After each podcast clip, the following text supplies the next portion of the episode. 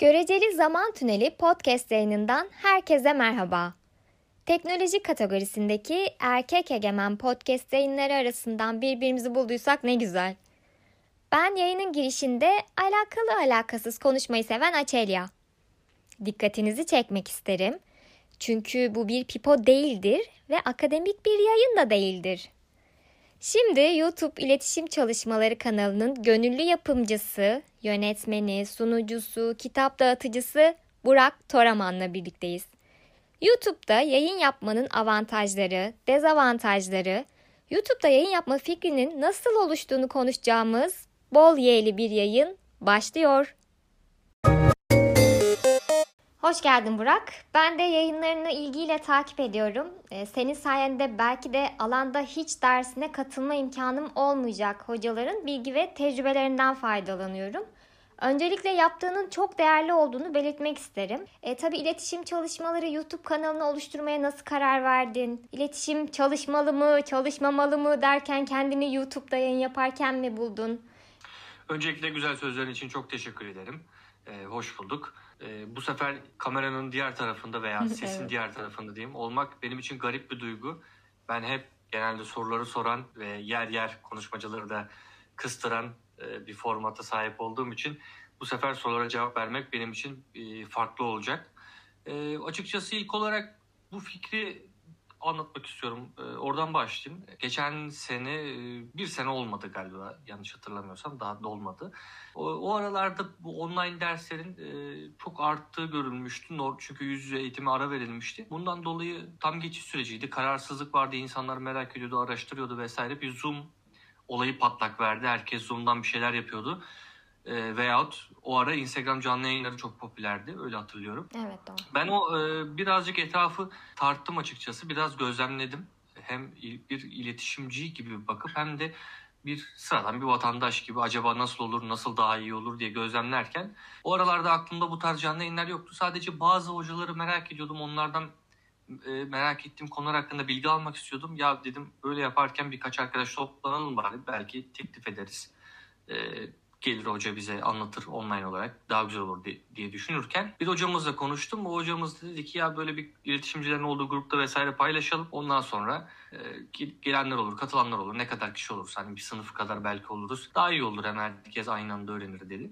Oradan baktım böyle bir yer yok. Olsaydı zaten ben de içerisinde olurdum diye düşündüm. Ya dedim ben yapayım böyle bir şeyler. Belki katılanlar olur dedim. Böyle bir sabaha karşı karar verdim. Bir anda hemen hesapları açıp bir logo, logo tasarlayıp e, hesaplardan takip ettim. Kendi iletişimde olduğum akademisyenleri takip ettim. Sağ olsun onlar çok destek oldu. Buradan hepsine teker teker selam yolluyorum. İsimlerini şimdi eksik sayarım diye sayma, saymayayım direkt. E, Hepsi e, dinlerlerse anlarlar kim olduklarını. Sağ olsunlar destek verdiler. Sabah uyandığımda bir anda yaklaşık bin kişiye e, yakın herhalde Twitter üzerinden bir etkileşim oldu. Instagram hesaplarından da yine biraz vardı ama en çok Twitter üzerinden oldu. Twitter sen de takip etmişsindir. Evet. Daha çok akademik etkileşimi yüksek bir platform. Benim de için de öyleydi kendi kişisel hesabımda. Bunu da diğer yeni kurduğum hesapta yapınca acaba ne oluyor ne geliyor diye insanlar anlamamıştı. Hep arkasında şu vardı yani daha yeni yeni benim olduğum ortaya çıktı tek başıma desem yeri. E, 4-5 ay öncesinden başladı. Hep bir okul var arkasında veyahut özel bir girişim var Hmm. desteklenen bir platform. Ee, daha çok bu Avrupa Birliği e, destek fonları oluyor. Onlardan Hı hı. zan- zannedenler olmuştu veya elçilik fonları ya da bir okul zannedilmişti. Ama bunu tek başıma olduğumu söyleyince e, orada bir herkes bir garipsedi yani tebrik etti hocalar da tek başına ama arkasında kalabalık bir ekip var gibi gözüküyor demişlerdi. Ben o algıyla yapmıştım. Kendi bireysel hesabım değil de hepimizin bir hesabı olsun demiştim. Ee, birkaç böyle dahil edilsin içine e, olayın benimle beraber mücadele edebilecek insanlar olsun istemiştim en başında ama bu istediğimi elde edemedim. Ee, pek o tarz bir etkileşim alamadım açıkçası. Ondan sonra ben de karar verdim. Dedim ki tek başıma zaten biraz daha takım oyunculuğundan ziyade bireysel oyunculuk tarafım herhalde e, daha yatkınım. E, o günden sonra tek başıma devam etme kararı aldım. Elimden geldiğince bir şeyler yapmaya çalıştım. Dedim en kötü ihtimal buradan e, fikirlerimizi paylaşırız, bir etkileşim alanı olur, tanışmış oluruz diye düşündüm. Biraz daha beni beklediğimden daha iyi bir noktaya götürdü açıkçası. Böyle bir deneyimim yoktu bir YouTube canlı yayını yapma gibi. Biraz da yapa yapa bir deneye deneye Evet. acaba nasıl olur diye araştıra araştıra yaptım. Ee, ilk başta etkileşimde olduğum, iletişimde olduğum hocalarla iletişime geçip böyle böyle yapalım. Sonrası da bakalım nasıl olacak diye düşünmüştüm. Daha çok genelde bana ya belli başlı hocalar vardır ama bunları hemen yapma filan işte her hafta 3 Hmm. yayın, 2 yayın, 4 yayın yapınca demişlerdi. Ben de dedim ki ya olsun yani illa teklif ederiz birileri gelir mutlaka O diye kısmı da soracağım. İler hocalara nasıl ulaştı, nasıl tepki verdiler. Ee, şimdi mesela ben de çok fazla dinledim. Bazen canlı, bazen daha sonraki kayıtları izledim ve dinledim. Şimdi dijital medya başta olmak üzere çok sayıda birçok disiplini kapsayan saydım 56 yayın yapmışsın. Kaçırmış olabilirim belki. Çok fazlaydı sayısı. Yayınlarda işte posthumanizm konuşulmuş, Güney Kore'deki kültür çalışmaları, sinema, edebiyat, reklamcılık ve çok geniş bir perspektif var. E, ve bu konuların konuşulduğu da çok değerli hocalar konuk olmuş. E, bu aşamada hocalar nasıl e, yaklaştı duruma? Sen mesela kanalı oluştururken ilk başta hani daha küçük olacağını, daha küçük bir topluluk olacağını planladığını söyledin. E, başka neleri amaçladın? E, açıkçası ilk başta gerçekten biraz daha küçük kendi halinde belli bir çevrede olur diye düşünmüştüm. Böyle bir ekip gibi hareket edilebilir diye düşünmüştüm. Bu kadar çok büyük etki edeceğini ve olumlu karşılanacağını e, düşünmemiştim açıkçası. Biraz çekiniyordum. Bazıları istemeyebilir çünkü öyle şeyler de oluyor malum özellikle akademi camiasında. Başıma geldi ama ben pek takılmadım. Daha çok olumlu taraflarından baktım. Bu hocalarımız da sağ olsun böyle bir çabayı görünce e, onlar da canı gönülden desteklediler yani açıkçası. Hiç orada alçak gönüllülük yapmayayım onlar adına. Ee, çok istekli bir şekilde ellerini taşlarının altına koydular. Evet. Daha da fazlasını yaptılar yer yer sağ olsunlar.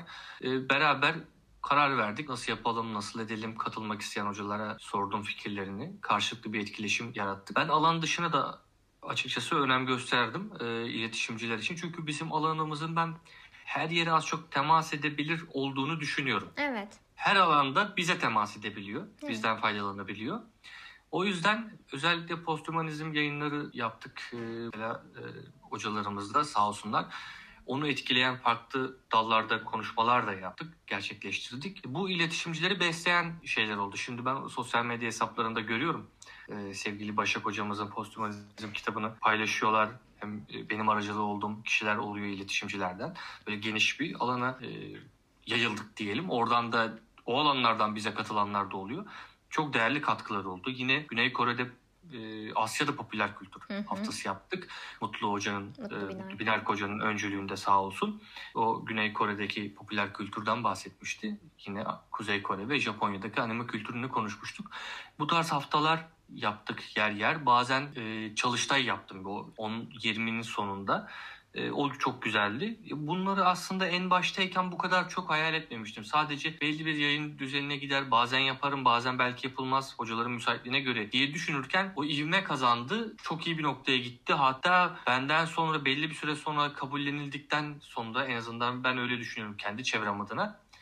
Başkalarının da e, hem benim beni kabullenen çevrenin içinden hem de dışarıda kalanlardan yeni yerlerin açıldığını gördüm. Yeni yayınlar yapıldığını, yeni projelerin olduğunu fark ettim. Bana gönderiyorlar. Bak gördüm işte. Dosyanın formatını gibi Örnek olmuşsun aslında. vesaire. Yani güzel bir şey bence. Evet yani açıkçası benim için de e, gurur okşayıcıydı. Evet. Bazı arkadaşlarımız fikirlerimi de sordular. Ben de yapmak istiyorum diye nasıl olur diye. Onlara da yardımcı oldum.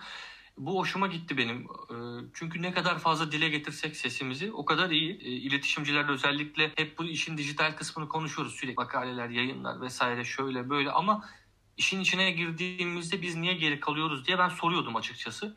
E, Hiçbirimizden bir tane iletişimcinin çıkıp bu tarz bir yayın yapıldığını görmedim. Öte yandan internet yayıncılığına dahil bir dersin olduğunu da görmedim. Hep geleneksel medya üzerinden anlatımlar yapılıyor. Varsa da buradan onlardan özür dileyim. Ama genel anlamda hep televizyon fakülteleri düşünürsek televizyonları vardır, radyoları vardır, gazeteleri vardır. Bir de dergi çıkartırlar bazı okullarda. Genelde bunun üzerine gider ama dünya öyle bir yere gitti ki hem kendimiz söylüyoruz ilk önce bunu yeni medya diye adlandırdık iletişim alanında. Sonra bu yeni de kime göre yeni dedik yeniyi tartıştık. Hadi yeniyi bırakalım dijital medya Evet. diyelim buraya. Dijitalizm üzerine konuştuk. Fakat en sonunda geldiğimiz noktada uygulamada hala o dijitalleşmeye adapte olamadık. Ee, belki de bu onu da fay- faydalı olduğunu düşünüyorum açıkçası. İnternet yayıncılığının da iletişim fakültelerinde iletişimciler arasında popülerleşmesi gerektiği tırnak içinde. Ee, bu biraz bu taraftan bakıldığımızda iyi. Ee, fakültelerin bu girişimler yaptığını görmeye başladım. Bana sordular nasıl yapalım nasıl edelim diye bazı fakülteler. Onlarla fikir alışverişi yaptık sağ olsunlar. Onlara birazcık ben deneyimlerimden bahsettim. Ama orada benim ilk e, fark ettiğim şuydu onlardan farklı olarak ya böyle bir e, evdeyiz dijitalde bir il- iletişim alanına girdik dijitalle iletişimle haline vardık yüzü iletişim durdu. Fakat burada hangi aracı kullanacağız burada? Tek bir tane yok. O arada az önce en başta söylediğim gibi Instagram'a gidenler oldu, Zoom üzerinden çok oldu. Fakat ben o etkinin karşılayamayacağını fark ettim.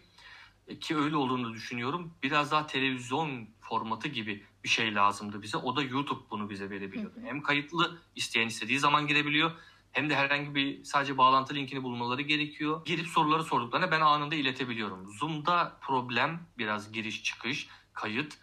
Ee, Instagram'da telefonla elinizde telefonla bir saat bir buçuk saat Biraz durmanız çok zor. oluyor evet. Evet yani sorularınız kaçabiliyor. Kayıt sonradan yükleyebiliyorsunuz ama YouTube'da öyle değil. YouTube'da anında sorularınız iletiliyor. Anında kaydediliyor. Yayın bittikten hemen sonra aynı kayıttan izleyebiliyorsunuz.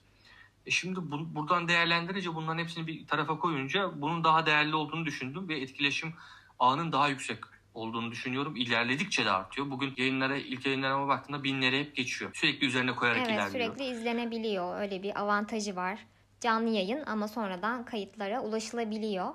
Ee, tabii bu yayınları yapmadan önce de bir araştırma ve medya muhasebesi yapman gerekiyor. Yayın öncesi kısmı var, yayın sırası var, yayın sonrası şeklinde görünen ve görünmeyen bir hazırlığın var aslında. Ee, bununla ilgili YouTube nasıl bir platform, nasıl bir hazırlık sürecini işliyorsun sen kanalında? Biraz bunlardan bahsedebilir misin?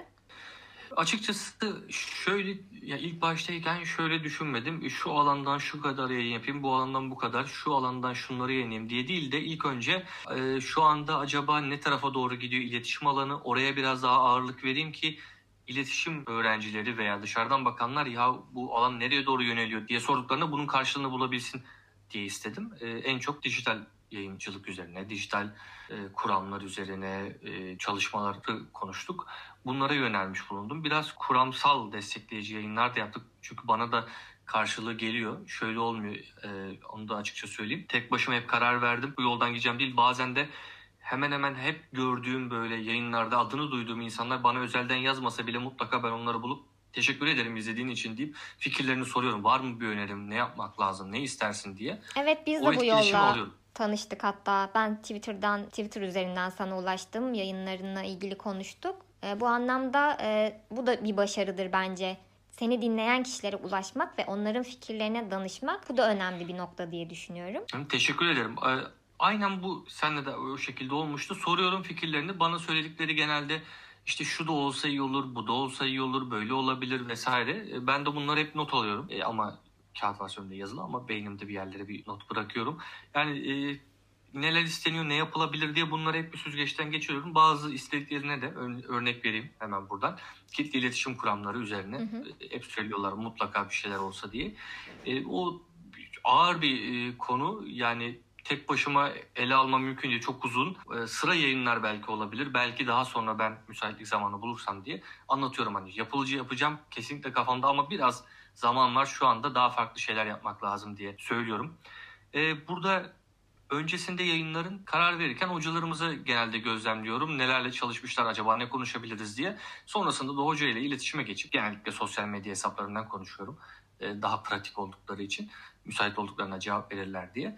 Onlarca e, olumlu dönüş yaptıklarında hocam size bırakıyorum konuyu. E, hangi neler çalışıyorsunuz işte onu konuşalım. Hocalar genelde şu konuda konuşabiliriz. En son çalışmamız şu diye. Onlar da güncele göre bana öneriyorlar. En son yaptıkları çalışmaları. Bu daha iyi oluyor benim için. Evet. Tamam yani bu sene nereye doğru gitti? 2020 senesinde çalışmalar nereye doğru gitti? Sene sonunda dönüp baktığımda Aa bak bunları yaptık biz demek ki alanda buraya doğru gidiyor zaten son çalışmalar bunlar. Diyebildiğim için benim için e, bu şekilde oluyor asıl öncüsü. Bazı hocalarımıza şu şu konular olabilir hangisini yapalım diye orada bir fikir alışveriş yapıyoruz. Konuyu belirleyip öncesinde de hocam neler konuşacağız şöyle şöyle o not başlıklarını ben alıyorum. Hocam şunları şunları da konuşalım şu nasıl oldu acaba diye böyle bazı yayınlarda yayın yaptığım örnek veriyorum yayın 1 saat 20 dakika sürmüş. Ben hocayla öncesinde yayın için 2 saat 2,5 saat Hmm. konuştuğum oldu çok oldu. Yani bir de sohbetimiz böyle sarıyordu bazı hocalarla. Uzun uzun konuşuyorduk. Şöyle olur böyle oldu. Hocam bakın buna değinelim buradan buraya bağlayalım falan gibi. Biz yayında aslında canlı yayın yaptığında ben ikinci kez programı yapıyormuş gibi oluyorum. O yüzden e, hocam şunu da konuşmuştuk ya bazı canlı yayınlarda belki dikkatini çıkmıştır. Evet. Hocam şunu da konuşmuştuk ya şuraya da değinelim falan diye. Yayın hazırlık süreci böyle oluyor. E, sonrasında paylaşım e, YouTube videoyu işliyor. Ondan sonra genelde konuklar hep e, o heyecanla tekrardan oturup yorumları inceliyorlar. Diğer gün yorumlar düştüğünde kim ne yazmış diye onu inceliyorlar. Buradan da söyleyeyim şu anda. Belki kayıt olarak yayınlanacak ama bunu dinleyenler olursa. Hocalarımıza sevgilerimizi Aa, iletiyoruz. Yani açıkçası e, bu şekilde diyebilirim. Sonrası için ben de kısa bazen kısa kesitler paylaşıp yayın içinde ne oldu, esprili bir şey olursa onu paylaşıp veya genel anlamda nelerden konuştuk onları paylaşıyorum. Bir de e, fırsat buldukça bu yayınları ses kaydı olarak da Spotify'a da yüklemeye çalışıyorum. Bayağıdır yüklemedim. Yükleyeceğim demiştim kusura bakmasın. E, onun dışında bir de e, anahtar kelimeler belirliyorum. Uzun zamandır onu da yapmadım. Tekrardan onlara da bir el atıp bu şekilde yapacağım. Bakalım e, gelecekte de yine yayınları bazen yapabilirim diye buradan onu da söylemiş olayım. Bir düşünür veya bir fikir akımının aylık seri yayınları hmm. olabilir. Belki anlaşabilirsem. Bazı hocalarla iletişime geçiyorum. E, bunu planlayıp işte atıyorum mesela işte bu ay e, Frankfurt Okulu konuşacağız. Dört yayın haftada bir hoca. Hmm, farklı evet. açılardan konuşacağız Öyle gibi mesela. Olur. Şu an bu Frankfurt Okulu'nu planladığım için değil aklıma gel o gel o isim geldiği için. Bakalım Nisan için o. Ee, belki e, yurt dışından bazı hocalarımızla biraz mailleştim. Olumlu yanıtlar aldım alanda önemli bulduğum isimler. Ee, onlar fırsat bulurlarsa eğer yoğunluklarından ayar, ayarlayabilirlerse kendilerini bazı hocalarımız da katılabilir. Güzel olacağını düşünüyorum açıkçası. O yayınlarda yalnız moderatör ben olmayabilirim. Ee, daha çok böyle alana e, hem net hakimiyeti hmm. olan bazı hocalarımızdan rica edeceğim hem de İngilizce çeviri de aynı zamanda olacağı için biraz zorlayabilir diye bazı hocalarımızdan moderatörlük rica edebilirim. Buradan duyurmuş olayım. Çok güzel. Ee, daha önce YouTube yayını yapmadım demiştin değil mi? Doğru hatırlıyorum. Ha, yok yapmadım hiç. Ee, peki bu süreç içerisinde YouTube'da yayın yapmanın işte avantajlarından biraz bahsettik. Ee, belki dezavantaj yaşadığın böyle anları oldu mu? Canlı yayın olması tabii yan tarafta bir yandan bir mesaj akış tablosu var. Bir yandan konuğunu e, dinliyor olman gerekiyor ki ona göre sorularını onlara yönel. Ben fark ediyorum mesela her dinleyicinin, her soru soran kişinin sorusunu hocaya iletiyorsun mutlaka. Atlamıyorsun. Hatta e, işte hocam e, şu kişi kişi size merhaba diyor. Şu kişi selamlarını yollamış. iyi yayınlar diliyor bile onları iletiyorsun. E, bu tabii zor. Canlı yayın bir akış var. Aynı zamanda hem konsantrasyonun gerekiyor hem hakimiyetin gerektiriyor. Böyle zorluk yaşadığın anlar oldu mu? Açıkçası oldu kesinlikle. Yani olmadı desem yanlış olur. Ee, şöyle bir şey var. Canlı olduğu için şimdiki mesela kestik attık buraları yapalım vesaire diyemiyorsunuz. Evet. Anında orada gözüküyor ve kayıt altına alınıyor. Sonradan o kesmi o kısmı da kesemiyorsunuz. E, hep bütün olarak kalıyor. Ben hiç gerilmedim ama bu benim yapım gereği. Canlı da olsa, kayıt da olsa benim için hiçbir önemi yok. Ben rahatım biraz bu konuda. Yani bir kötü bir şey olmaz. Rahatım. Ne olabilir yani. Bazen ama hocalarımızdan hep şunu aldım. Buradan o hocalarımızı dinleyen varsa onlara yine selamlarımı iletiyorum. ee, oturduk böyle sizle şu an karşı karşıya olmamız gibi yayından önce. Ya o kadar ders anlattık ki yüzlerce binlerce kişi ders anlatmışlarım var. Binlerce saat ders anlatmışlar ama burada çok heyecanlandım. Şu an ne yapacağımı bilemiyorum. İşte bazı hocalarımız ulusal kanalda çıkmıştı ama burada e, hocam dedim sakin olun. Bunları bir sakinleştirmeye çalışıyorum. Yayın önce halledeceğiz, yapacağız. Ben şimdi size kendinizi soracağım. Anlatmanıza o şekilde gireceğiz. Sonra çok rahatız. Ben alacağım topu arada siz sıkışınca sorulara yönelteceğim vesaire diye. Hocayı bir e, dinlendirme, bir alıştırma e, oluyor. Genelde çoğu yayınlarda hocalar ilk iki soruma genelde çok hızlı yanıt verip çok detaylı yanıt veremiyorlardı. E, hala oluyor. Orada hemen gelenlerden tanıdıkları olduğunu duyunca e, ben onları iletiyorum. O şu kişi hmm. selam söylemiş, şu kişi merhaba demiş. Hoca orada bir rahatlıyor, Rahatlıyor. özgüven oluyor. Yani burada ben yabancı anlatmıyorum aslında. Burada bir hep hocalara söylüyorum zaten. Hocam hiç sıkıntı yapmayın. Ben sadece sizin fakültenize gelmişim. Kantinde denk gelmişim. Hocam Sohbet demişim ediyoruz. ya sizin şu evet yani şu bir çay alalım hocam şuradan da sizin şu son çalışmayı bana bir anlatın nasıl oldu demişim de arkadaşlar da etrafımıza oturmuş gibi düşünün çok rahatız diyor, diyorum. E böyle selamlar e, sorular gelince tanıdıklardan onlar da kendilerini rahat hissediyorlar. Bu şekilde e, özgüven ortamı, bir konfor alanı oluşuyor. Evet. Bazı yine zorlandığım kısımlardan biri siz az önce dediğiniz gibi yani sorular oluyor onlara yetişmeye çalışırken atlamamak gerekiyor. Bazı e, hocalar maalesef bu e, çok az geldi başıma ama e, bu da benim eleştirdiğim bir tarafım olsun. Hocalar bazen sınıfta ders anlatır gibi bana e, değil mi Burak? Ben o arada soruya daldım. Öğrenciniz değilim şu anda. Olabilir ama o. Yani. Olabilir yani şey alışkanlık belki de farkında olmayıp kendi şimdi soruları orada soruları orada dalınca kenarda bir anda sorunca ben şimdi soruyu da kaçırıyorum yayında kaçacağım bir şey diyemedim böyle bir e, öyle ama bir şekilde topladı fark edilmedi. fark edilmedi. O, kenarda sorulara dalmak o bazen sıkıntı olabiliyor ikisini de ayarlamak. Evet. Yani hoca konutup yerde kal- kalabiliyorsunuz hani bir anda sorduğunda siz. Öyle birkaç durum oldu. E, bağlantı kopmaları oldu. O kesinlikle yapacak olanlar belki vardır bu dinledikten sonra beni aa bak çocuğa ne kadar yapmış ya biz de yaparız diyenler oluyormuş ya belki bunu dinledikten sonra da olur. Onlara tavsiyem şu internet bağlantınıza aman dikkat edin. Ee, kesinlikle bu biraz problem yaratabiliyor. Birkaç yayında kopma oldu. Çünkü karşınızda biri var konuşuyorsunuz bir anda karşıda görüntü gidiyor tek başınıza kalıyorsunuz ve insanlar izliyor. 100 kişi neyse. İşte tek internet. başınasınız onlara şey var vakit geçirmek için bir şey yapmanız lazım. İşte e, Teknik aksaklık. hemen- Onu, onu nazar dedik hatta bir hocamızda olmuştu. Ben denk geldim. Ona nazar dedik. O tamamıyla teknik bir aksaklık. Ne hocanın ne de senin bir kabahatin var burada yani. Bu eleştirilemez. Net. Kesinlikle öyle. Bazen geliyor insanın başına. Ya bir yayın yapacaktık yine bizim mahallede yağmur yağdı, trafo patladı, elektrikler gitti, ertelemek zorunda kaldım. Olabilir. Sonra dışarıdan yetişemediğim yayınlar oldu. Bu tarz şeyler oluyor canlı yayınlarda ama işin tuzu biberi. Evet, kesinlikle. kesinlikle. Ee, heyecanlı. Evet. Ya biraz ben bu vesileyle söylemek istiyorum. Ee, bana arada az önce söylemiştim yazıyorlar nasıl yapalım nasıl edelim diye. Ben biraz o, onu da dile getirmek istiyorum yapmak isteyenler olursa diye. Nacizane Tabii. bir tavsiye. Yani e, illa benim yaptığım gibi veya başka X kişisinin işte Açelya Kaynar'ın yaptığı gibi, Burak Toraman'ın yaptığı gibi yapmak değil de kendi kafalarında ne yapmak istiyorlar. Bir kere bu lazım. Öncelikle bir zevk almak lazım bu yaptığımız işten. Ben Kesinlikle. çok zevk alıyorum. Ya beni bana muhtemelen böyle para verseler, iyi de bir maaş verseler ben bu işi yapmazdım. Vazgeçerdim tek başıma bir yerden sonra ama kendi başıma yaptığım için hiçbir şey kazanmıyorum. Tek kazancım iyi insanlar tanımak. Çok güzel insanlar tanıdım. Ee, sağ olsun bu platform bana onu kazandırdı. Eğleniyorum. Çok eğlenceli oluyor. Ee, yani biraz da böyle belki değiniriz onda uyku kaçınca programı da oldu mesela Hmm, eğlenceli. Evet o da daha bir eğlenceli içerikleri olan yayın herhalde. Ee, onu Başak Hoca'nınkini izlemiş. Gerçekten uykunuzun kaçtığını anladım orada. Ee, bu yayın fikri nasıl ortaya çıktı? O da bambaşka bir e, yayın içeriği sonuçta. Bu bölümlerle ilgili ne söylemek istersin? Uyku kaçınca. Evet. Şimdi uyku kaçınca ismiyle başlayayım. Orada biraz intihal yaptım. Şimdi bunu itiraf ediyorum burada. Burak Toraman'dan şok sözler. evet. e, burada nasıl intihal yaptım? Belki e, zannediyorum ki yakınızdır yaşlarım. Sen de hatırlarsın diye düşünüyorum.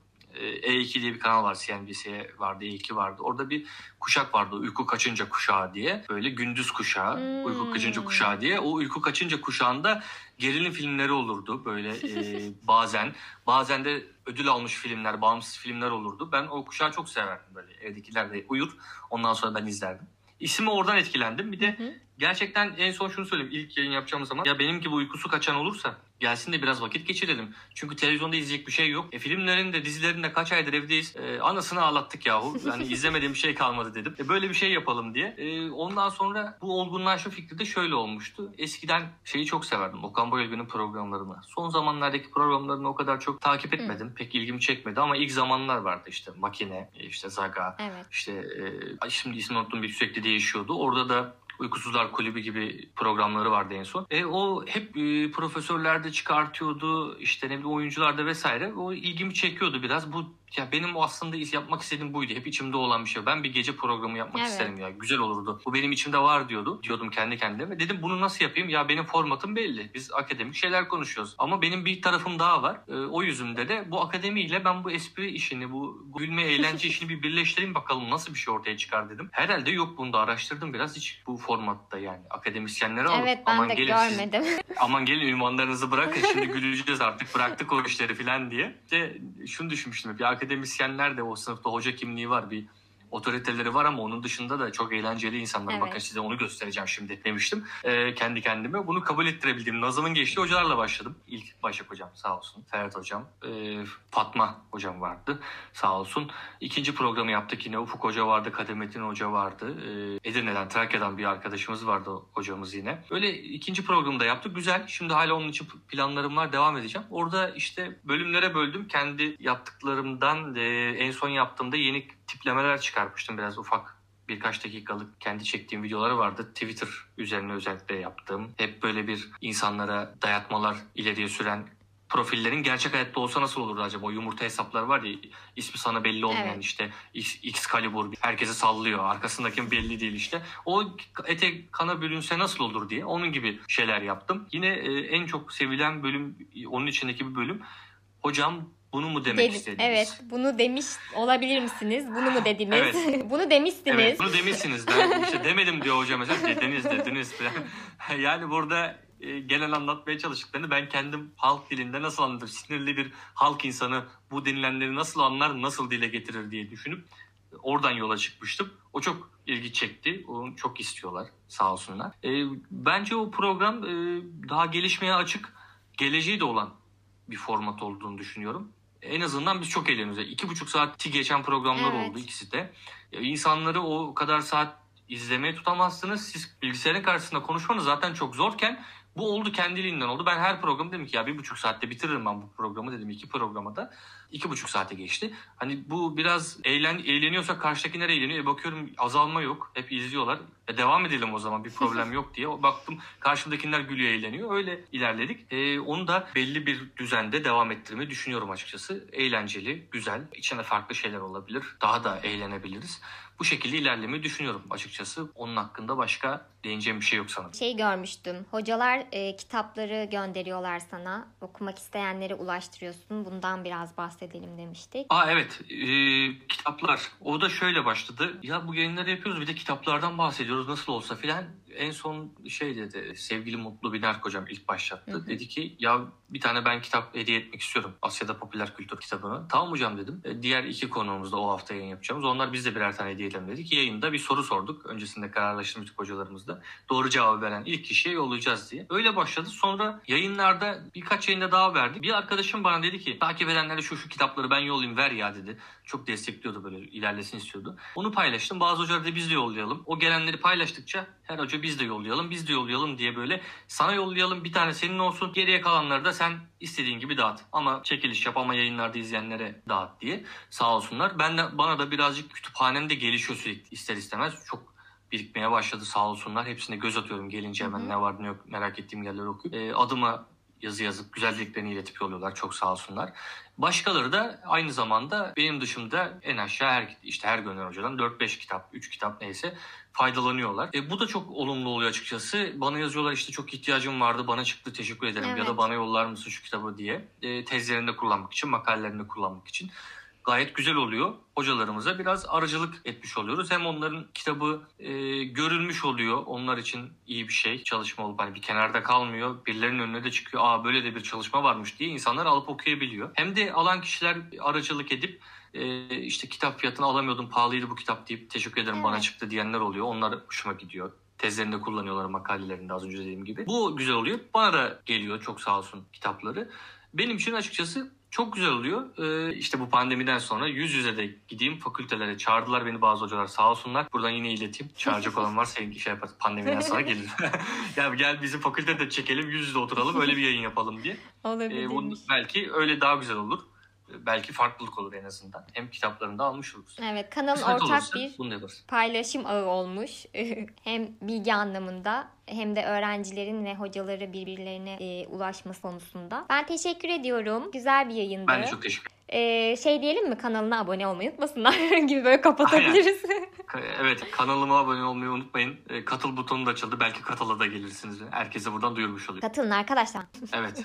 Lütfen çok teşekkür ederim beni çağırdığın davet ettiğin için. Ben de çok zevk aldım. Ben teşekkür ediyorum. Bizim söyleyeceklerimiz şimdilik bu kadar. Ee, Sizlerin bölümler hakkındaki düşüncelerinizi merak ediyorum. Önerilerinizi paylaşmak isterseniz Göreceli Zaman Tüneli Podcast Twitter hesabından bana ulaşabilirsiniz. Hoşçakalın.